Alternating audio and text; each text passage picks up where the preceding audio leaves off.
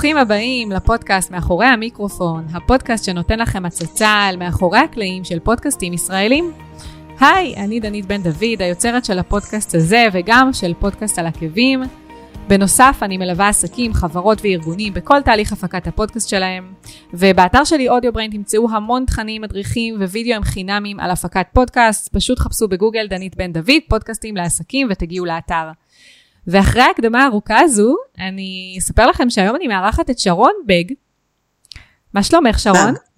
באג, סליחה, אה, הייתי צריכה לוודא את זה מראש. לא נורא. את בחברה טובה, כולם מתבלבלים. אז מה שלומך שרון? אני בסדר גמור, יום ראשון. מלאת אה, חדוות עשייה לקראת השבוע החדש. כן. יפה, אז אני אגיד שאת uh, יוצרת וכותבת, שאת עוסקת בפיתוח מוצרי תוכן, ואת היוצרת והכותבת של הפודקאסט סטטוס מוצאת אהבה, נכון? שזה ככה פודקאסט uh, די ייחודי בנוף הפודקאסטים פה בארץ. אה, נכון. אז בואי תספרי קצת עליו, ותספרי עלייך, וקצת על באמת על העשייה שלך, ואיך הגעת להפיק פודקאסט. אוקיי. אה, האמת היא שאני קוראת לו תסכית. אה, תכף אספר לך איך הגעתי לזה. אני התחלתי את דרכי כקופירייטרית, ואני שנים כותבת ללקוחותיי, ובמקביל כותבת למגירה. אה, לפני עשור כתבתי עם שותפה סדרת טלוויזיה, שמעולם לא יצאה לפועל, כי זה לא היה הזמן. אבל עדיין תמיד רציתי, כאילו, את יודעת, כמו כל כותב, אתה רוצה באיזשהו שלב, אה, את יודעת מה, אני לא יודעת כל כותב, אני בכל אופן רציתי גם שיקראו. ואז עלה לי רעיון להפוך סיפורים לתסכית. שמעתי אותך, את זוכרת שהיינו בתקשורת לפני איזה שנה, נכון. עוד אז הייתי תמימה לחשוב שאני אוכל לעשות את זה לבד. אה, make long story short, חיברו אותי עם חברת שמע, שהם החברה להפקת אה, יצירות אודיו, והם התלהבו מהתסכית שכתבתי, ומהסיפורים, והם בעצם עזרו לי להפוך את זה לתסכית. עכשיו, לסבר את אוזנם של אלה שצעירים יותר ממני, פעם שהיינו קטנים והיה כזה מכשיר רדיו, אה, היינו חוזרים בשתיים מבית ספר ויחד עם השניצל והפתיתים היו תוכניות לילדים שקראו להם לבת ולבן ולמי שמתעניין. את, את בגיל הזה או שאת צעירה יותר? אני לא, לא מכירה, לא.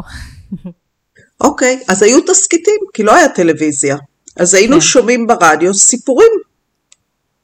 אה, אז בעצם עוררתי לחיים ז'אנר אה, נשכח. למרות שבחוץ לארץ יש דברים כאלה.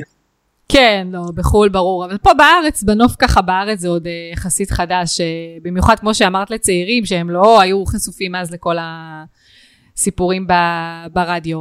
אז בעצם, אה, אז תספרי קצת באמת על, ה- על התסכית, זאת אומרת, מדובר בסופו של דבר באיזשהו סיפור, נכון? של בחורה בשם רונה. אישה אישה, סליחה, שהיא נכון. כותבת, נכון. היא כותבת, אה, היא כותבת, אה, היא מפתחת תוכן לאנשים, יש כמה קווי דמיון בין הביוגרפיה שלה ושלי, אה, ויום אחד היא לא מצליחה לקום בבוקר, היא מרגישה משותקת, אה, ממוסמרת למיטתה, אה, ובעצם מה שקורה זה שהיא מבינה שהיא צריכה לבחור. בין אם היא ממשיכה לחיות ליד ולכתוב רק לאנשים אחרים, או שהיא הולכת ויוצאת לאור. זה ממש בכללי. ובעצם השמונה פרקים, עד עכשיו יש שמונה פרקים, השמונה פרקים האלה אה, מלווים אותה בדרך שלה לחפש את, ה... את היצר והיצירה. כן, אה, וזהו. אה, זה מוקלט בשיתוף פעולה עם אה, מיכל צפיר. נכון. שמיכל היא בעצם רונה ואני המספרת והטקסט מה שקרה זה שהפכתי את הסיפורים וחילקתי אותם בצורה כזאת שלפעמים אני מדברת ה- כמו ה-voice over אם אתם יודעים מה זה מקולנוע ומיכל מדברת בגוף ראשון. כן. יפה, ו- נכון. האמת שכבר הקשבתי לכמה פרקים, ו... ובאמת אה, זה באמת סיפור מאוד מאוד מעניין. אה, אני גם באופן אישי מאזינה המון לפודקאסטים, ו... וזה היה לי ככה חדש פתאום להקשיב לפודקאסט בסגנון הזה שהוא מאוד סיפורי. זה היה כיף האמת, ככה מרענן. האמת היא, אחד הדברים הכי יפים שמישהי כתבה לי, היא אמרה לי, עשית לי הצגה בראש. דרך אגב, זה שכחתי להגיד, כן. שכל הקטע הזה יצא, התלבש בול עם ימי הקורונה, וזה שאין תרבות. אני חובבת הצגות, ו... ובעצם אנחנו שנה לא ישבנו באולם תיאטרון, ולא נכון. כאילו, את יודעת, חוץ מטלוויזיה, אין הופעות, אין זה, והיה בזה איזשהו משהו מבחינתי להתחבר אה, ל... אה, לעשות משהו שהוא תרבותי ואחר, ואפשר לחצות איתו את אה, אה, גבולות הקורונה. כן. אבל למה דווקא בחרת בפלטפורמה הזו של פודקאסט? זאת אומרת, הרי הרעיון הזה בא לך הרבה, הרבה לפני, אה, לפני הקורונה, נכון? כן. אז למה דווקא אז בפלטפורמה הזו? כן, למה דווקא בחרת בפלטפורמה של הפודקאסטים, אה, כדי להנגיש את הסיפור? למה לא למשל ספר? או כי יש משהו, תוכנית? כי ספר זה אתה והטקסט. בפודקאסט יש לי יכולת אה, השפעה או יצירה גדולה יותר. את שומעת ויש ליווי מוזיקלי והצוות שלקחתי, אפרופו למה לא, הבנתי שאני לא יכולה לעשות את זה לבד, mm-hmm. יש המון uh, שילוב של קולות uh, של ליווי מוזיקלי, הקלטנו נכון. מוזיקה מקורית שמלווה את כל הפרקים, רציתי כאילו, יש פה שילוב של עוד חושים שאתה מול ספר, עכשיו ספר זה סבבה, זה מפתח את הדמיון ואת יכולה להיכנס, טוב גם עם הפודקאסט את יכולה להיכנס למיטה, אבל uh, אני רציתי משהו ש... האמת זה היה נראה לי פשוט אף אחד לא עשה את זה, זו סיבה טובה לנסות לעשות את זה. לגמרי, לגמרי לגמרי, אני איתך בזה, ואני מסכימה שבאמת פודקאסט אה, עוזר אה, להעביר את הסיפור בצורה הרבה יותר מעניינת, ואני באופן אישי ממש אהבתי גם אה, בפרקים את כל השילוב של המוזיקה, ומורגש שיש שם המון המון עריכה. וזה יפה שהגעת לה, להבנה הזו, שאולי באמת יהיה עדיף לך ללכת ולעשות את זה באולפן, אה, מאשר לעשות את הכל לבד, כי לפעמים כל העריכות האלו, הן פשוט לוקחות לבד המון המון המון זמן. כן. אין מצב שהייתי עושה את זה, זה תשמעי, זה אנשי צוות מקצועיים, אה, כולם שם יוצרים ופודקסטאים מנוסים, ואני מאמינה שכל אחד צריך לעשות את מה שהוא טוב בו. לגמרי. אז... אה, אז בעצם מה שהיתרון של הפודקאסט הזה, שבעצם יש פה גם סיפור, גם שילוב של מוזיקה, גם השילוב של מיכל שהיא קריינית, שחקנית נכון. ונותנת לזה עוד עומק. לגמרי. אמ, ולמה בחרת זה... אה, למשל באמת להביא אה, מישהי שתקריין את רונה בגוף ראשון ושזו לא תהיה את? זאת אומרת, כי אמרת שיש קווי דמיון בינך לבין רונה, אבל שזו, שזו לא את. אני מניחה שגם שואלים אותך הרבה פעמים את השאלה הזו, האם את uh, מספרת את הסיפור שלך בעצם. נכון? אמ, למה, uh, כן, שואלים אותי. Uh, לא, את יודעת, החיים שלי זה תמיד יש חומרי גלם, כל יוצר שיגיד שהוא לא משתמש בחומרי גלם מחייו uh, הוא שקרן. אז uh, כן, יש, יש, את יודעת, אני לא אכתוב על חייה של אה, נגד משאית זבל, כי אף פעם לא נהגתי משאית זבל. אז אני כותבת על משהו שאני מכירה, וגם אני מאוד אוהבת, המטרה, וזה יתפוס תאוצה בפרקים הבאים, בעצם יש פה המון רבדים. כי יש את המספרת ויש את רונה, נכון. ויש את הכתיבה של רונה ואיך היא משפיעה על החיים שלה, בעצם יש לי פה אתגר יצירתי, איך להכניס, כי אם הייתי עושה סרט, זה נורא פשוט. כי את יכולה להראות שפתאום יקפצו בפלשבק, את יודעת, בקטעים אחורה, קטעים קדימה, כי mm. הטיימליין של הפודקאסט הוא לא אחיד. המספרת. מספרת, רונה מדברת אחורה, קדימה, קדימה, אחורה, כאילו אני די סומכת על הפרעת הקשב של המקשיבים, ש... תיישר קו עם הפרעת הקשב שלי. אז כל מיני דברים שנורא קל לעשות אותם בקולנוע או בטלוויזיה, פתאום להעביר את זה לפודקאסט היה מעניין. Uh, הכוונה הראשונית שלי, אני חשבתי שאני אקרא את רונה, ומיכל תהיה המספרת, אבל אורי טולדנו, שהוא הבחור שמלווה אותנו, והוא המפיק והבמאי, בא ברעיון שמבחינתי הוא גאוני והוא עשה לשתינו טוב, הוא אמר תתהפכו. אמרתי לו, מה פתאום? אז הוא אמר לי, זה ייתן למיכל אפשרות לשחק, ולך אפשרות להיות במבט על. כאילו, הוציא אותי ברגע שאני המספרת, אז אין שאלה של המעורבות רגשית, ומיכל משחקת את רונה. כן. אז בעצם ההיפוך תפקידים נתן לכל אחת מאיתנו יותר חופש. איזה יופי. יפה, כן, האמת שנכון, מיכל שחקנית, והתפקיד אה, ממש אה, מתלבש עליה. אני מאוד נהנית אה, להקשיב ל- לשתיכן האמת, איך שאת מספרת את הדברים באמת מהצד שלך, בתור, ה, כמו שאמרת, voice over, וגם איך שמיכל מספרת את הדברים בתור רונה עצמה, ממש עם הניואנסים והטונציה, ו... וזה נכון. מאוד מאוד יפה. היא משחקת. נכון, לגמרי, נכון. יפה, אז... אז אה, אה, רצית להגיד אז- משהו? כן, שעוד משהו אפרופו ספר, ספר זה עבודה מאוד בודדה. עכשיו, כתיבה בכלל זה עבודה בודדה. עכשיו, זה לא שזה נחסך ממני, גם לכתוב פרק זה, אני עדיין כותבת לבד. אפרופו תהליך, אני כותבת אותו לבד, ואז אני שולחת למיכל שתקרא ולצוות שעובד, ומאירי ומה זה. גם הייתי צריכה לפ... לשנות קצת את הסגנון כתיבה שלי, כי יש הבדל בין שאת כותבת סיפור, ובין שאם את כותבת תסריט ל... תסריט לתסקית. כן, פה, וזה שהם עובדים עם המוזיקה, וזה שההקלטה היא ביחד, אבל אני חושבת שמה ששימח אותי בפודקאסט, שפתאום זאת יצירה שיש בה מקום לעוד אנשים, ואני לא לבד. ועצם זה שעוד אנשים אה, שותפים לה, אה, יוצא, תוצאה, יוצא תוצאה מעניינת יותר, עשירה יותר וכולי. כי להיות כל הזמן, בתור עצמאי, את כל הזמן לבד. נכון. את עושה שיווק לבד, את כותבת פוסטים לבד, את כל הזמן לבד, לבד, לבד. ופה יש משהו שבאיזשהו שלב האנשים מצטרפים ומרגישים אה, גם חלק מהדבר הזה, אה, אותי זה נורא משמח.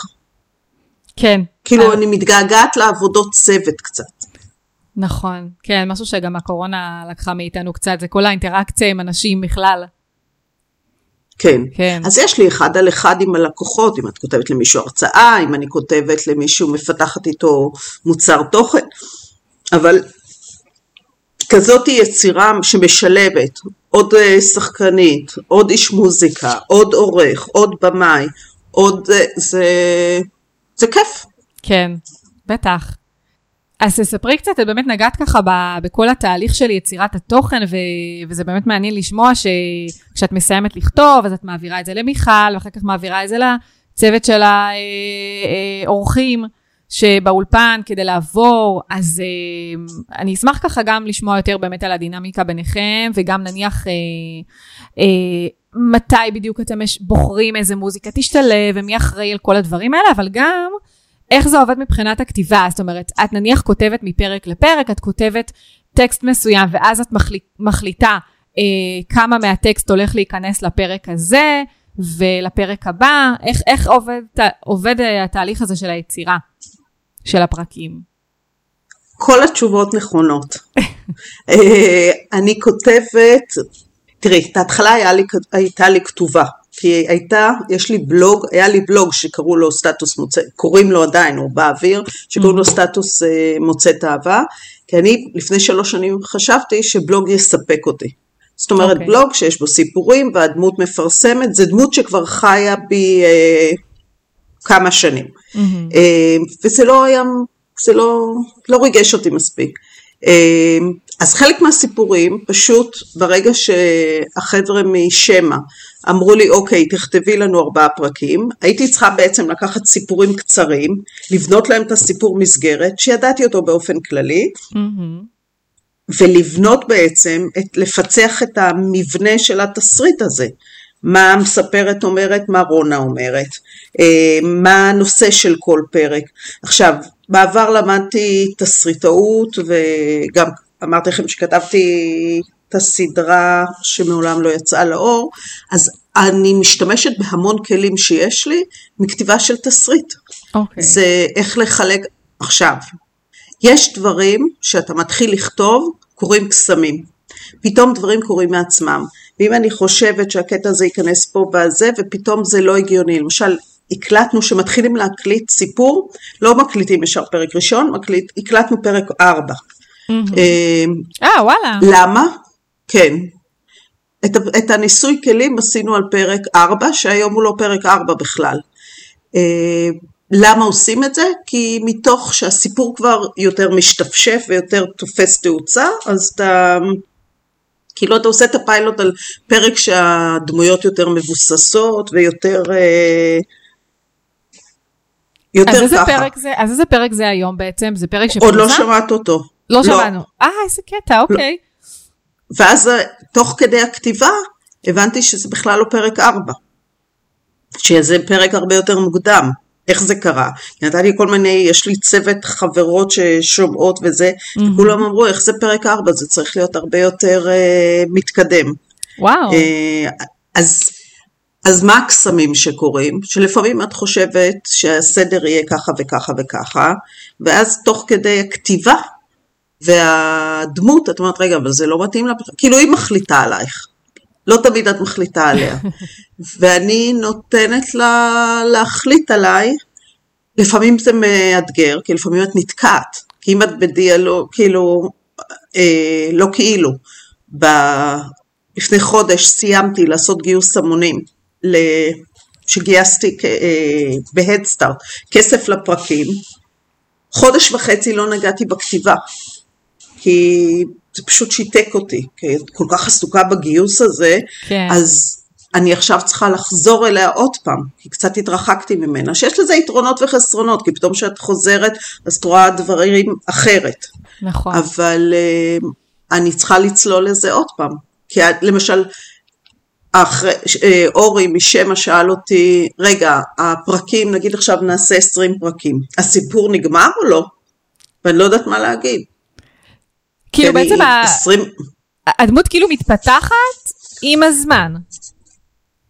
כן ולא. עם הכתיבה. היא, יש לי אותה בראש, כן. ויש לי המון קטעים, המון המון המון קטעים. יש לי, אני לא, לא יודעת אם את רואה, יש לי מאחורה, את רואה את המדף השלישי, ערימות של כן. מחברות, כן, כן, רואה. המון המון המון מחברות עם uh, קטעים. עכשיו, אני צריכה להחליט האם אני תוחמת את זה ל-20 פרקים שאני אעשה, האם אני... כי זה נראה לי נורא קצר לגמור את זה ב-20 פרקים. יש לי חומרים ל-17 עונות. וואו. אז יש פה, יש פה המון אה, דילמות, שאני עד היום, גם בשבוע בשבוע שעבר הוא אמר לי, נו, אז מה החלטת? אמרתי, לא החלטתי. כי אני אגיד לך מה החלום, הייתי שמחה שיקרו שני דברים.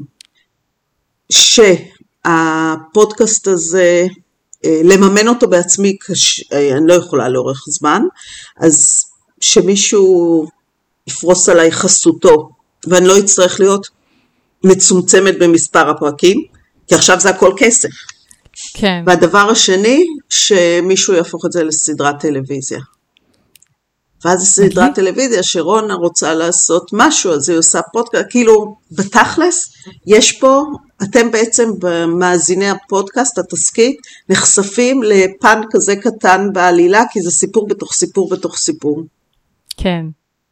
וואו, זה ממש... אה, זאת אומרת, אה, זה ממש מדליק לשמוע את זה. גם אני חושבת שבאמת, אה, זאת אומרת, גם עם הפרקים, אז המאזינים, אני חושבת, מתאהבים קצת בדמות. זאת אומרת, זה כמו כן. שאנחנו רואים סדרה או סרט, ואני בטוחה שככל שיאזינו ליותר פרקים, אז הם גם ירצו שיהיה המשך לדבר הזה. אז א', אולי, עוד לא נגענו בכל הנושא של מימון המון באמת, אבל אה, אולי אה, או מימון המון נוסף, או באמת אה, מישהו יאזין לך, אה, ישמע ככה את, ה, את הפודקאסט הזה וייקח אה, חסות על העניין. יתאהב. ברונה וייקח חסות.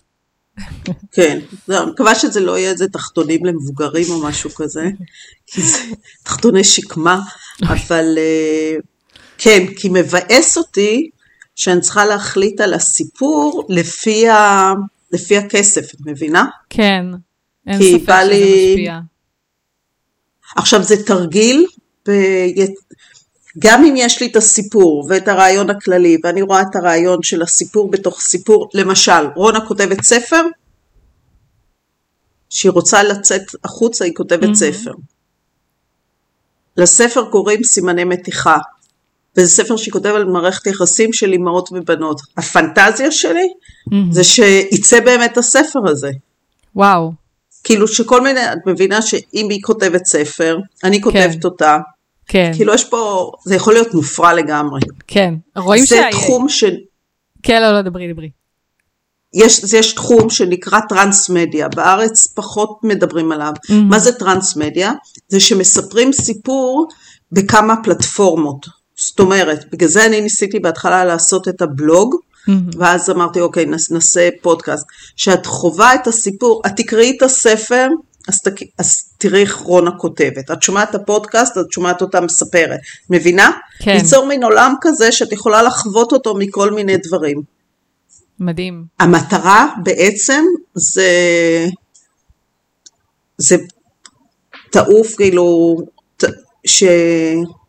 שנשים, לא משנה באיזה גיל, בטח מגיל 40 ומעלה, שהם יעופו על החלומות שלהם. Mm. כי בעצם זה הזוי הקטע הזה, את יודעת, בגיל 52, אני בת 52, ואני יושבת עם החברים של הבת שלי, שהם בני 21, היום אמרתי בבוקר למעצבת הגרפית שלי, שיש לי איתם יותר שפה משותפת והם יותר מעניינים לפעמים מאנשים בני 50.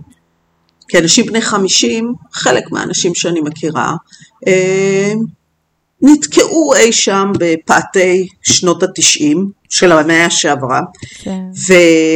ואני, העשייה והיצירה והכתיבה ולעבוד עם אנשים צעירים, אני מדברת כמו זקנה מהתחת, לעבוד עם אנשים צעירים, את מבינה שמי שמביים אותי ואני מתייעץ איתו הוא בן 27. הבחור שעושה את המוזיקה, אני לא שאלת איך המוזיקה, אני לא מתערבת. הוא, מה זה לא מתערבת? הוא נותן לי, לש, אה, הוא מקבל את החומר גלם, כן. הוא עושה את השיבוצים, ואז אני אומרת דקה שלוש, הייתי מחליפה ככה, זה ככה. מהמם. אני יכולה להגיד לך שעם הזמן, ההערות שלי יורדות, ל... אין לי הערות. כי הם פשוט עושים את זה מצוין, ומוסיפים לזה המון אה, הומור ועוד עוד רובד. כן, כן. אז יש משהו ביצירה שהיא כותבת את המציאות והמציאות כותבת אותה. כן, רציתי באמת לשאול אותך, אה, מה המטרה שלך? נראה לי שהבנתי ככה מה, מה, ממה שאמרת מקודם, מה המטרה שלך באמת אה, בפודקאסט? זאת אומרת, מה, למה הקמת אותו? אבל כאילו, תעני לי על זה כמובן, אבל נראה לי שהבנתי שפשוט באמת, אה, את פשוט זה כאילו חזק ממך. את, את פשוט מאוד אוהבת ליצור ולכתוב, ו... ו...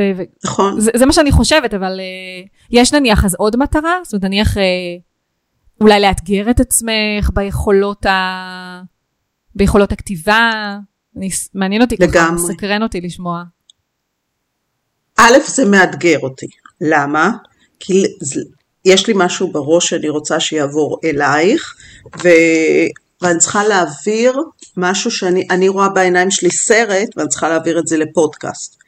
אז אני צריכה שאת שומעת את זה, אז יהיה לך, כמו שהאישה הזאת אמרה לי, אני נכנסתי למיטה והיה לי הצגה בראש. זה כאילו הדבר הכי מקסים ש... עוד דברים שעוד הרבה אמרו לי, שזה הם ראו את הסדרת טלוויזיה. כאילו, למה אני עושה את זה? הרבה אמרו לי, אז מה המודל הכלכלי שלך? אפרופו הגיוס הון מההמון. אמרתי, אין לי מודל כלכלי. אמרו לי, מה זאת אומרת? אבא שלי גם כן. אבא שלי וכל מיני אנשים, אפרופו דור ישן. כן. אמרתי, תגיד לי שביאליק כתב כן לציפור, מישהו שאל אותו מה המודל הכלכלי שלו? הוא פשוט כתב כי הוא כתב. כן. אז הוא כזה, אבל הרבה אנשים שואלים אותי, מה המודל הכלכלי? והם די בהלם שאני אומרת, אני יוצרת כי אני חייבת ליצור. כן. אני חושבת שזה גם מרים לעשייה המקצועית שלי. כי את יודעת, זה כמו שלבוא לקוס... תארי לך לבוא לקוסמטיקאית או למישהי שעושה אה, לק ג'ל עם ציפורניים שבורות ולק מתקלף, זה לא נראה טוב. נכון, לגמרי. חושבת שאתה הולך למישהו שכותב לך טקסט, שעובד איתך על פיתוח תוכן, ואתה יודע שגם הוא מפתח תוכן וגם הוא כותב ויש לו עוד צד, אה, זה גם, אני מקווה שעושה לאנשים מעניין. אה, אז למה אני עושה את מה שאני עושה? כי אני חייבת, כן. כי זה מרגש אותי. אה, זה עושה את החיים יותר מעניינים, שאני כותבת גם לעצמי.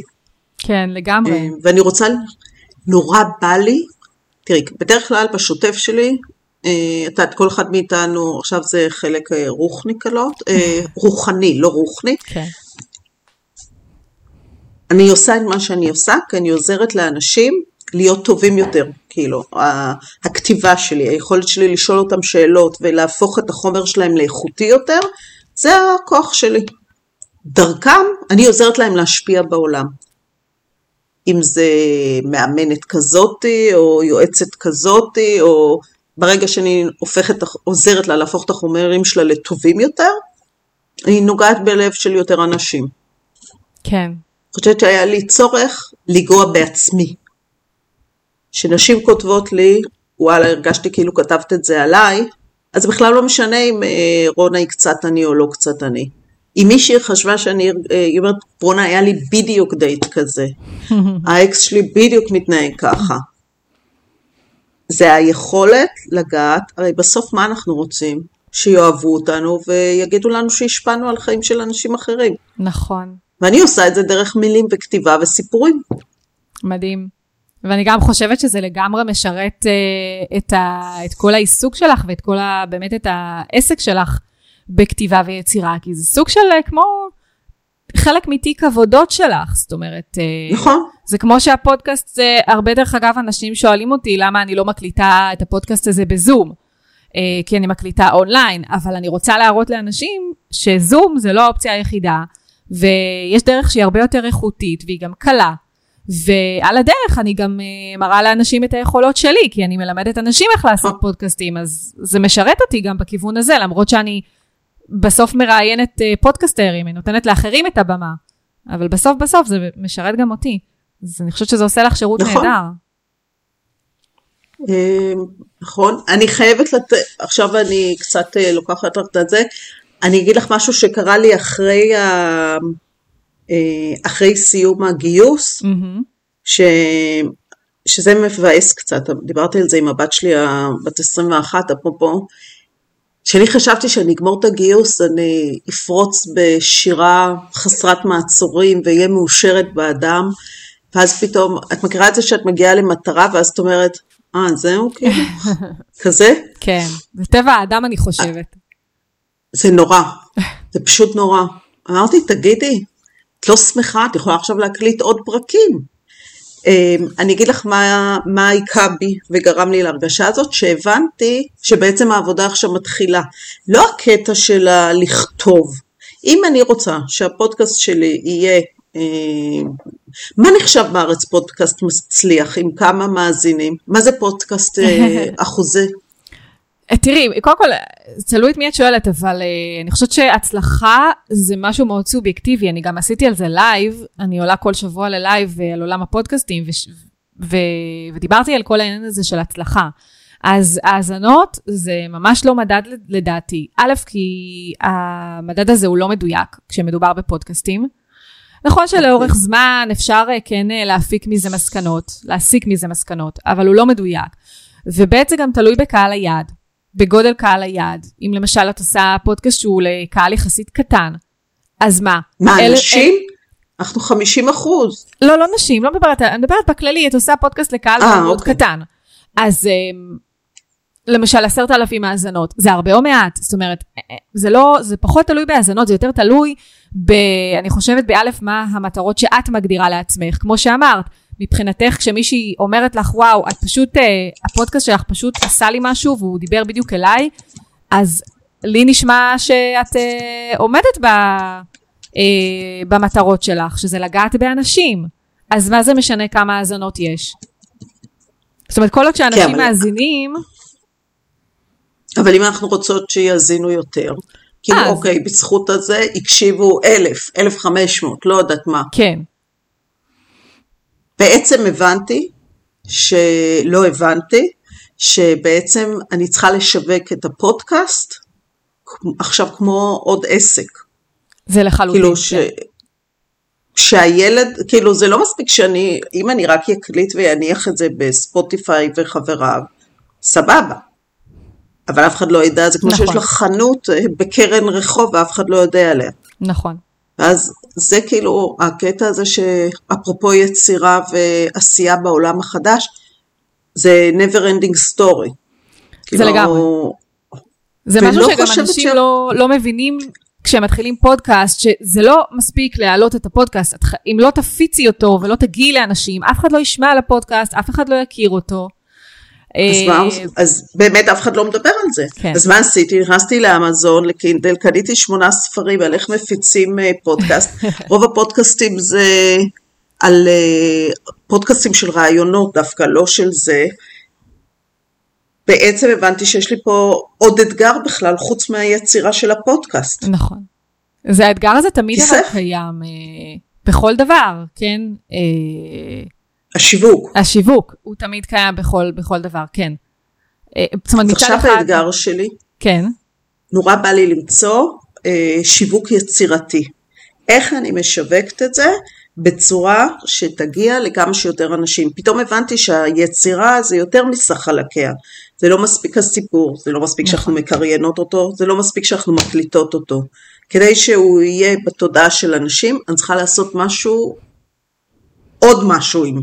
נכון, אבל גם לא לשכוח בדרך ליהנות ממה שכבר השגת. זאת אומרת, כשנשים פונות ואומרות לך שהפודקאסט נוגע בהן, והן ממש מרגישות שהן חוות את זה כהצגה, ו...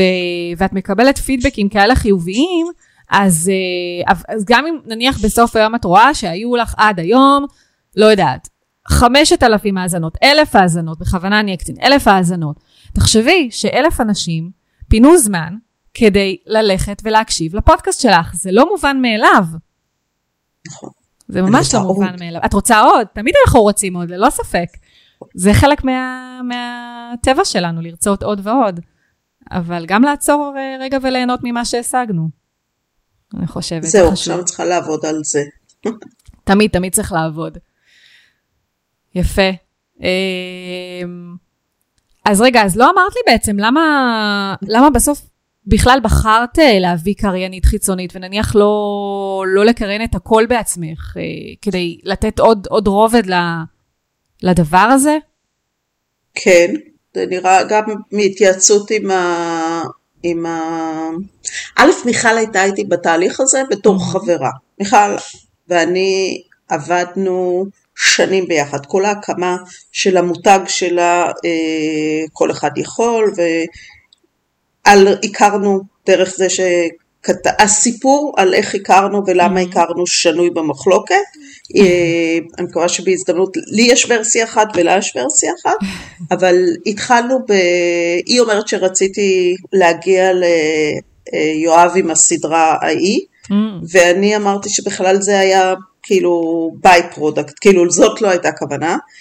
בכל מקרה התחלנו בכתיבת הרצאה, אה, ובאמת עבר, עברנו שנים של אה, פיתוח תוכן למיכל וכולי, שמיכל כל השנים ידעה שאני גם כותבת, היא גם נחשפה לדברים שאני כותבת, אה, גם לסדרה הקודמת וכולי.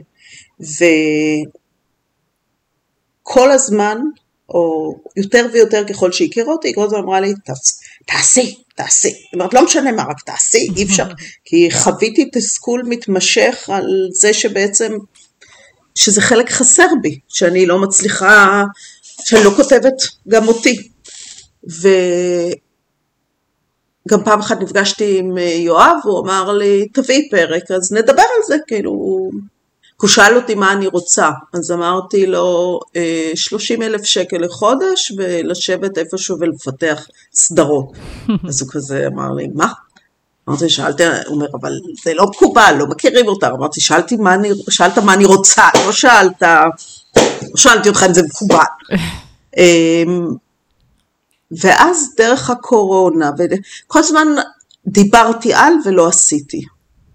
והאמת היא שבעזרת חברות uh, טובות, בעזרת uh, הרבה מיכ, uh, מיכל ועוד חברות ועוד איזה לקוחה שבסוף דחפה לי ליד את הטלפון של שמע ואמרה לי די כבר היא מעצבנת תטלפני אה, בין הגל הראשון לשני, אה, אמרתי, טוב, יאללה, מה יקרה? עכשיו, זה נורא מצחיק, כי כשאני באתי אליהם, לא לקחתי בחשבון את העלויות, לא לקחתי בחשבון את זה שפרק אחד זה לא מספיק, לא, כאילו הם אמרו לי, יאללה, בואי נקליט. אמרתי, יאללה, בואי נקליט, ועל הפרקים הראשונים אני שילמתי, כאילו, ואז פתאום הבנתי שאם אני צריכה להקליט אם אני רוצה להקליט עונה או סדרה, אני לא יכולה לממן את זה. מה העלות כאילו... של פרק דרך אגב, אם נוח לך לשתף?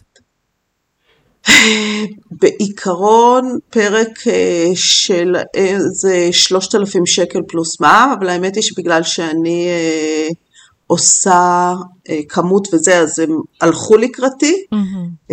אבל זה עדיין, זה הוצאה, אם אני, אם אני צריכה להוציא 10,000 שקל בחודש על הקלטה, עכשיו לא משנה, זה שיווק, זה הכל טוב ויפה, אבל כיום זה גדול עליי להוציא 10,000 שקל בחודש על ההפקה. כן. אז אה, אני מקווה שזה יפסיק להיות גדול עליי, ואז אני לא אהיה תלויה בחסדי, אה, את יודעת. אבל, אמ, וזהו, בעצם זה, יכול להיות שאם חברות שלי לא היה נמאס להם לשמוע אותי מייבבת על אני רוצה לכתוב ולמה אני לא כותבת וזה, אז זה לא היה קורה, זה היה משהו אמ, שפשוט אה, באמת, את יודעת, זה מסוג הדברים, אפרופו שמתחילים לכתוב קוראים ניסים, התחלתי את זה, לא היה לי מושג לאן אני נכנסת. אמ, ופתאום הפרויקט גדל, התפתח מעצמו. לא חשבתי כן. שאני אעשה גיוס, אני עשיתי גיוס לפני שמונה שנים, ואמרתי שזו הפעם האחרונה שאני עושה את הסיוט הזה. עשיתי גיוס, למרות שאמרתי שאני בחיים לא עושה. זה כמו לידה, את יולדת פעם אחת, אומרת, אה, אני לא רוצה לעבור את זה שוב, ואז את נכנסת לזה, ואת כאילו, איך מצאתי את עצמי שוב? בדיוק. בול. בדיוק. אז זה הדוגמה, זר לא יבין זאת, רק אישה תבין את זה, שזה כמו ילד, אתה מתחיל, אתה לא יודע לאן זה... אמ, אני עכשיו למשל אמרתי לך שהחודש האחרון מאז, ה...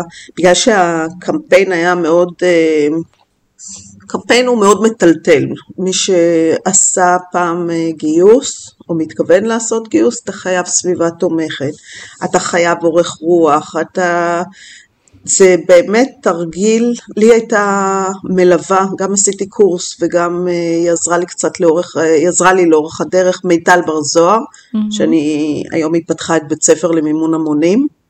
אה, מעניין.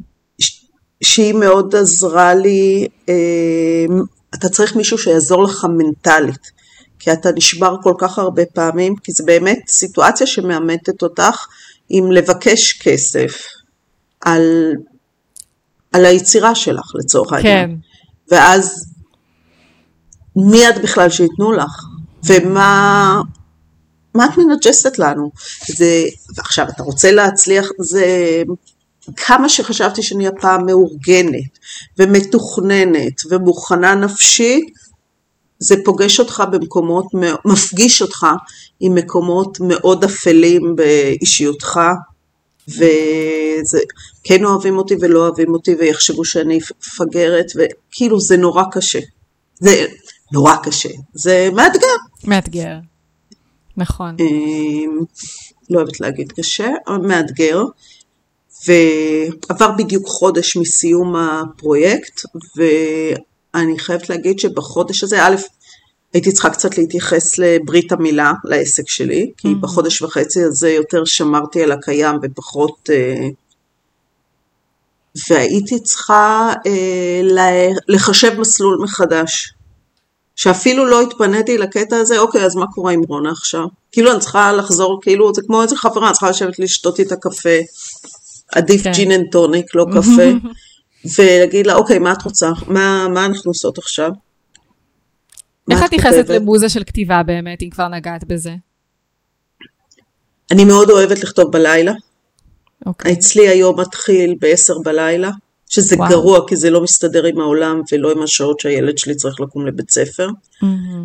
זה הופך לי את ה... כשהייתי צעירה עבדתי בתור סלקטורית בשדות תעופה, אז אתה עובד לפי הטיסות וזה, אז אה, זה משהו שנשאר טבוע בי, של אין לי יום ואין לי לילה. אני במיטבי מ-10 בלילה עד 5-6 בבוקר. וואו. אה, זה לא בריא ולא... לא, לא, אני אוהבת את השקט, פתאום יש, לך, יש לי שקט ואז אני כותבת. אני כותבת המון על פתקים, כי יש לי רעיונות ויש לי מחברת, יש לי מחברת ליד המיטה, mm-hmm. שאני כל הזמן כותבת, כאילו שאין לי רעיון, כי אני יודעת ששנים אמרתי, טוב, אני אזכור בבוקר, ואז לא זכרתי בבוקר, אז יש לי מחברת ועט ליד המיטה, וזה כל המחברות שהראיתי לך. Mm-hmm. אני אוהבת את המדבר, אני נוסעת אה, למצפה רמון, ואז וואו. שם אני נוסעת לשלושה ארבעה ימים לכתוב שם, זה... אני עוד שבועיים צריכה לנסוע, ואני מקווה שאני אכתוב קצת לפני, אבל אני נוסעת וכותבת שמה. בתי קפה, אני, אבל אין בתי קפה. נכון. אמ, אני אז- אוהבת לשתות, ככה אני מפנטזת שאני קרי ברדשו עם הלפטופ. כן, כולנו מפנטזות נראה לי. כן. את אה, כאילו כאילו אז- פותחת מחשב, ואז פשוט מתחילה נניח מסמך וורד, ומתחילה, אה, אה, כאילו, וזה פשוט ישר בא לך, כאילו, למשל אני אתן דוגמה מעצמי, כאילו, אני כשאני כותבת תכנים, אז אני, כדי שהמוזה תגיע לי, אני צריכה להתניע, אני, מתחילה, אני רושמת לי את הנושא, רושמת לי את התתי נושאים, ואז לאט לאט אני מתחילה לשפוך את כל מה שיש לי בראש לפי התתי נושאים. אז איך למשל אצלך זה עובד? בדרך כלל הרעיון אה, בראש שלי לפני שאני כותבת אותו. כשאני באה לדף, אני פשוט צריכה, כי הילדים שלי תמיד צוחקים עליי, יש לי נטייה, כל סיטואציה, אני כבר, אני כבר מדברת אותה כתובה. לשבת בבתי קפה ולהקשיב לשיחות של אנשים, ולדמיין מה הוא אומר ומה היא אומרת ומה קרה ומה היה לפני ומה היה אחרי. אני כבר יודעת שמשהו קורה לי, או שאני עולה בי רעיון, אני יודעת כבר שהוא צריך להיכתב. אז כשאני באה, אז uh, יש לי אותו, לפעמים אני כותבת לי, uh, שאני לא אשכח, אני כותבת לי בקבוצה עם עצמי, אני כותבת לי note כזה, של, שאני זוכרת, או במחברת. אני לא אבוא למחברת, ללפטופ, בלי שיש לי מושג מה אני כותבת. אוקיי. אני, כשאני באה ללפטופ, אני יודעת כבר מה, מה, אם אני צריכה לעבוד על פרק, אם אני צריכה, אם אני צריכה להוריד איזה סיפור, סתם. אם אה, אני יודעת שאני צריכה לכתוב על איזה דייט שחברה סיפרה לי או משהו כזה, אני כבר באה ואני יודעת, אני יודעת את הסיפור, היא סיפרה לי איך היה הדייט ומה קרה ומה פה, אני רק צריכה להביא אותו לנייר. אני לא יושבת מול דף ריק ובוהה. מהמם, כן. יש לך את הרעיון הכללי, יש לך את המשהו הזה בראש, ואז את מתחילה... כן, לכתוב. אני בוהה, בעבודות אני יכולה לבוא, אבל בכתיבה לא. אני כל כך לא מאורגנת, כאילו שאת שואלת, גם כששלחת לי את השאלות, אמרתי, וואי, אמרתי לך ישר, שאלות טובות, כי הרבה דברים אני, אני יכולה לכתוב למשל אה, במין אה, תקשוריות כזאת, כאילו בכתב יד, אני פשוט לוקחת עט ומחברת ומתחילה לכתוב, ואז למחרת בבוקר או מתישהו אני אקרא את זה, ואני אומרת, וואלה, כאילו משהו, לפעמים זה באמת מעשה השראה כזה, לא יודעת איך להסביר את זה, כאילו מישהו כותב, אה, כותב דרכי. אני אומרת, לא סתם אני אומרת, שכותבים קוראים ניסים. כן. אני הולכת גם לסדנאות כתיבה, אז דרך הסדנאות כתיבה יוצאים כל מיני דברים, תרגילים לעצמי. אה, אני מאוד לא מאורגנת באיזה כמה בבוקר, שמונה בבוקר, פעם שמעתי שדוד גרוסמן יש לו חדר והוא יושב מהשעה הזאת עד השעה הזאת, לא, ממש לא. הורג את המוזה. אה, לא, זה לא קטע של הורג את המוזה, אני מקנאה בו שהוא יכול לעשות את זה. אני חושבת שזה מאוד אינדיבידואלי, זאת אומרת, בסוף בסוף בסוף, לכל אחד יש, אה, אנחנו אנשים שונים, ולכל אחד יש את ה... מוצא את הדרך שלו לעשות את הדברים ולכתוב. אה, גם אני בתחילת דרכי, כשהייתי כותבת תכנים, אה, בין אם זה לבלוג או תכנים שיווקיים וכאלה, אני הייתי יכולה לבזבז יומיים שלושה על פוסט מסכן אחד, אבל עם השנים, זה היה לפני עשר שנים, עם השנים פיתחתי לעצמי את השיטות שלי. והיום אני עושה את זה בקלילות, זאת אומרת, אני מצאתי לעצמי את השיטות שלי, בדיוק מה שאמרתי מקודם, עם התתי נושאים ו- והנקודות, ו... אני חושבת שאנחנו אנשים שונים פשוט. נכון, ואני בגלל שאני לא כזאת מאורגנת, כאילו, אני באמת צריכה להיות, זה, תראי, אני, תכלס אנשים, הנה את רואה, אני חושבת עכשיו על שמונה דברים במקביל, ואני צריכה להחליט עם מה אני מדברת איתך. עכשיו תחשבי שזה קורה לך שאת כותבת, אני מתחילה גם לכתוב שמונה סיפורים במקביל. עכשיו היית ערה לזה, זה קטע מתועד של הצצה למה קורה לי לפעמים בראש. אומרים שמוזה זה בולשיט, כאילו, אתה לא צריך לחכות למוזה, אתה צריך להביא אותה. נכון. כי היא לא באה, היא חמקנית והיא לא באה.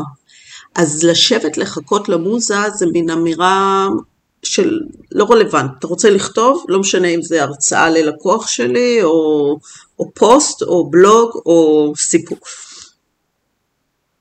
אבל לפעמים את מרגישה שאת יושבת וזה לא בא. נכון. זה לא בא. וגם פה יש הרבה שיטות uh, מה צריך לעשות. מה אני מקנאה באלה שבאים משמונה עד חמש וכותבים, שזה העבודה שלהם. כאילו, אני הייתי מתה שמישהו ישלב לי בשביל זה שאני אכתוב אותי משמונה עד חמש. כאילו, שיש בזה משהו, אה, שאת, וזה בסדר, וגם דוד גרוסמן או א' ב' יהושע, אני לא זוכרת מי, אומר שיש יום, שאתה יכול יום שלם לשבת, כתבת, מחקת, כתבת, מחקת שני משפטים, ובסוף היום השארת מילה אחת. כן. וזה בסדר. נכון. ביום אחר תכתבי שלושה עמודים. נכון. קורה לכולנו, לא רק, לא רק בכתיבה, אני חושבת, כאילו, יש ימים כאלה שאת אה, את מוצאת את עצמך כאילו פותחת אה, את המשימה הזאת וזה לא הולך, פותחת את המשימה הזאת וזה לא הולך, ובסוף כאילו עבר חצי יום, ואני, כש, כשאני מזהה שזה קורה לי, אני פשוט עוזבת את המחשב, הולכת, עושה איזה אימון, עושה משהו, שומעת פודקאסט, לא נלחמת בזה. נכון. אה, לפעמים לוקח לי קצת זמן עד שאני נזכרת שלא צריך להילחם בזה. כי את הזמן את מנסה ו... אבל נכון, אבל יש משהו בכתיבה ש... שאת כותבת אה, רגש וסיטואציות, אה, תראי, כשאני כותבת, עוזרת למישהו לכתוב את ההרצאה שלו, זה הסיפור שלו, אני הדולה, אני העוזרת. נכון. כשאת כותבת משהו שהוא שלך, וזה הקישקע שלך, זה הרבה יותר מלחיץ. היום אין לי שום... אה, ב, לכתוב אחרים, או לעזור לאחרים לכתוב את עצמם, זה הרבה יותר קל לי, כי זה, זה, לא, זה לא פה, כאילו. נכון. וכשאני כותבת משהו, ו...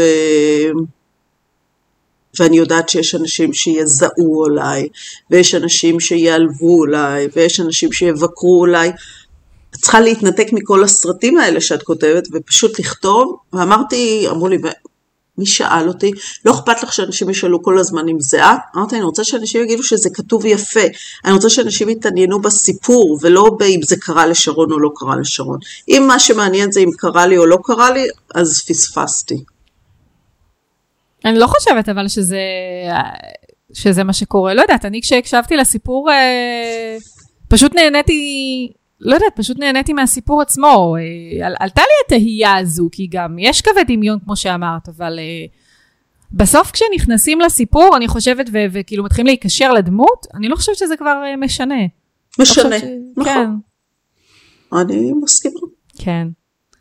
רציתי אז קצת, אולי נחזור, דיברנו המון על כתיבה, שזה באמת באמת מאוד מעניין, וזה משהו שבאמת הרבה אנשים נתקעים בו, לא רק בפודקאסטים, כי כמו שאמרת, הפורמט הפופולרי הוא באמת uh, תוכנית ראיונות, אז לא תמיד אנשים נתקלים בקושי הזה בכתיבה של uh, פודקאסט, אבל uh, רציתי ככה לחזור קצת באמת לכל העניין של הפודקאסט עצמו, אז ככה קצת תספרי על כשאתם נניח באות להקליט, את ומיכל, אז יש, אתן באות נניח ומקליטות כמה פרקים, אתן, איך כל התהליך הזה כאילו עובד? אחרי שהפרקים מאושרים, כאילו שאני תיקנתי, שהם קרו, שהם העירו, שהם mm-hmm. זה, אנחנו קובעים יום הקלטות, אנחנו בדרך כלל מקליטים אה, שלושה פרקים. אוקיי. Okay. עכשיו יש פרקים שזה הולך בצ'יק ויש פרקים ש... שלוקח יותר. אנחנו יושבות שתינו עם אה, מיקרופון, אמ, ניסינו כמה פעמים לקרוא שאחת קוראת את כל הקטעים שלה ואחת, מיכל הייתה צריכה ללכת אז קראנו את כל הקטעים של מיכל okay. אוקיי. ואחרי זה אני את כל הקטעים שלי והם שילבו ואז הגענו למסקנה שיותר טוב להקליט שאנחנו ככה ממש עושות את זה כי יש איזה משהו בדינמיקה ששתינו קוראות אליי למרות שזה לא דיאלוג אבל ששתינו ביחד אה, אני חושבת שזה עובד יותר טוב. אנחנו יושבים על זה בדרך כלל אה, מיכל ואני, יונתן גל, שהוא איש גלי צה"ל לשעבר, והוא איש, הוא מורה לפודקאסטים בבינתחומי ובקריה אקדמית אונו, mm-hmm. והוא יושב שם, והמקליט זה אורי טולדנו, שהוא אחראי, ודור קומט עושה את המוזיקה. לא, הם לא תמיד יושבים שלושתם, הם בדרך כלל שניים, והם ממש, אנחנו קוראות ולפעמים חוזרות ארבע, חמש, שש פעמים על אותו קטע. Mm-hmm. יש פעמים שהקריאה יוצאת לך, את יודעת, האינטונציה, בגלל שזה משחק, אז יש פה ממש משמעות ל... אומרים, לא, תעשי את זה יותר ככה, תעשי ככה, mm-hmm. אז... אבל אני, זה מאוד כיף. כאילו, אבל אין לך חזרה לפני, כי אתן באות לאולפן, ואז מקליטות, מקסימום עושות לא, כמה פעמים. קור... לא, אנחנו קוראות uh, לפני, אה, ואני אוקיי. נפגשות בדרך כלל uh, לפני לקרוא את זה, כי אני לא רוצה שהפעם mm. הראשונה שהיא תיפגש עם הטקסט, א', אני שולחת לה, אבל כן. לא רוצה הפעם הראשונה שהיא תקרא את הטקסט, גם מה קורה. מיכל ואני חייבות לקרוא, לקרוא את זה לפני, כי הרבה פעמים, תוך כדי הקריאה, פתאום למיכל המשפט הזה לא יושב טוב, או צריכים לשנות, או הפיסוק, או ה... שרק אם אתה קורא את זה עם הבן אדם אתה יכול לראות את זה. כן. שזה למשל בספר פחות קריטי. כשאת עושה ספר אז למרות שאני גם כותבת, קוראת, שאני כותבת טקסטים שהם לא לפודקאסט, כי את שומעת את הקצב, את ה, איפה נושמים וכולי, אבל על אחת כמה וכמה בפודקאסט. אז הרבה שינויים אחרי כל השינויים, אז פה אנחנו מפסקים אחרת, פה צריכים לנשום. עכשיו יש המון המצאות שקורות תוך כדי, שזה כיף. למשל, יש איזה סיפור אחד שקוראים לו, רונה מספרת שהיא הייתה קטנה והם גרו בקיבוץ, והיא עמדה על הדשא מול אה, חדר האוכל, פעם הקיבוצים של פעם, שכולם בשבע בערב הולכים, אה, והיא עומדת שם וצועקת אה, על אחת מהמכשפות, המכשפה של הקיבוץ, שכולם יודעים שהיא מכשפה, והיא קוראת לה whatever בת זונה. עכשיו, אני כתבתי את זה ככה. הם אמרו, מיכל הייתה צריכה לעשות את זה, אז אמרו לה, תעמדי, והיא עמדה רחוק, והיא פשוט צעקה את זה איזה עשר פעמים, אבל היא צועקת, כדי שזה יישמע, אה, אני יודעת מה קראו לה, רותי צימרמן, whatever, היא עומדת והיא פשוט, אה, עצם זה שהיא עמדה, עצם זה שהיא פשוט צרחה, זה יצא מגניב, תשמעי את זה בפרק, אה, כן, פרק שעכשיו צריך לעלות. אה, מעולה. אה, לא, כי טעיתי, כי לא הקשבתי לזה. לא, זה צריך לעלות... אני מפחדת שהיא תשמע את זה הזאתי, שיניתי לה את השם, אבל סתם. אז זה כל מיני דברים שצומחים גם ההחלטה להלחין את השיר. יש שיר נושא, זה היה רעיון שצמח תוך כדי. זה יצירה שמתהווה בעשייתה, תוך, אז זה למשל למדנו וצעקנו. למשל, יש שם איזה קטע, בקטע של, ה, אה, של החתונה, mm-hmm. אז הם אמרו לי, תקראי את, ה, את הקינוחים בצורה אה, אה, מפתה וסקסית. עשיתי את זה כמה פעמים, אבל זה היה מגניב. זה היה איך להשתמש ברוטב שוקולד ו... לא דמיינתי את זה שזה נקרא את זה ככה שאני עם זה, אבל זה כאילו, עשיתי את זה בחימום ואז הם אמרו לי, אה וואלה זה מגניב, תמשיכי לעשות את זה, מבינה? כן. אה, אז יש הרבה דברים שנוצרים מתוך החיבור והכיף של ה... זה כל פעם כזאת, זה איזה שלוש-ארבע שעות. ואז חומרים הולכים לאיש המוזיקה, כן. חוזרים לשמיעה, כמו שאמרתי לך, הפרקים האחרונים, ואז מקליטים את הפתיח ואת הסגיר, mm-hmm. הפרקים, הר... כאילו, השני פרקים האחרונים לא היה לי אפילו מה להעיר, מרוב שהם היו מדויקים. כן, אני מאמינה שגם אה, מדובר פה בצוות גדול, אני מאמינה שעם הזמן, אז גם הדינמיקה ביניכם משתפרת. וכבר אה, הדברים באמת, אה, אתם כבר כאילו יודעים מה מצופה מכל אחד, ומה כל אחד אוהב, ואיך כל אחד רוצה שהדברים יתבצעו, וזה יפה שלאורך הפרקים זה באמת אה, הופך גם להיות קל יותר. אה, נכון. כאילו לא צריך לדבר, פשוט לעשות. נכון. אני צריכה בעיקר לחזור לכתוב כרגע. כרגע אני הצוואר בקבוק. יותר כן. מזה, אני כתבתי פקקים, פקקים, אני הצוואר בקבוק, כתבתי פקקים לפני שיצאתי לגיוס, אה, לגיוס, ועכשיו אה, אני מרגישה שאני חלק צריכה לשנות קצת, כאילו, כי עבר זמן, אני קוראת את זה ואני מרגישה שהיא כבר לא הייתה עושה את זה ככה, היא הייתה עושה את זה קצת אחרת. אז אה, היצירה חיה בך. כן, ממש. יפה. אז אה, טוב, אה, ככה אני סקרנית לשמוע אז לאן הפרקים הבאים אה, יובילו את רונה ולאן היצירה שלך ככה תיקח את הסיפור. וזהו, יש עוד איזה ככה משהו מעניין שתרצי ככה, אני חושבת ש... לא- כמה זמן אנחנו מדברות? נראה לי כבר איזה 50 דקות אם אני לא טועה. נו, לא הצלחנו עוקבת. להתמודד עם זה לבד, את רואה? כן. האמת שאני לגמרי יכולה להמשיך אה, לדבר איתך עוד, כי באמת זה ככה, זה פודקאסט באמת ייחודי, וגם אני חושבת שיש לך באמת המון המון דברים לתת מתוך המקום של אה, מישהי שהיא מתעסקת ביצירה כל הזמן, אה, ובכתיבה, שזה משהו שהוא קשה, לא פשוט להרבה אנשים.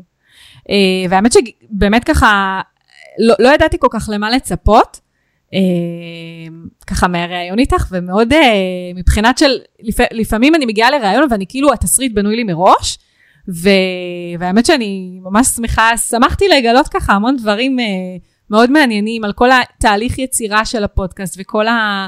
למשל נורא הפתיע אותי ש, שכאילו לא ברור כמה, כמה אה, פרקים הולכים עוד להיות, או אם הולך, הולכות להיות עונות. זאת אומרת, אצלי בתור בן אדם מאוד מסודר, אני מלח, מלחיץ אותי לא לדעת את הדברים האלה מראש. אה, אבל זה מאוד. יפה ככה לראות שכאילו את זורמת עם היצירה. כן. כן. אז אה, אה, אני, זה, כי אני רוצה להשאיר את הדברים פתוחים. אני אומרת לך, אני רוצה שמישהו ישמע ויגיד לי, אוקיי, תכתבי כמה שאת רוצה.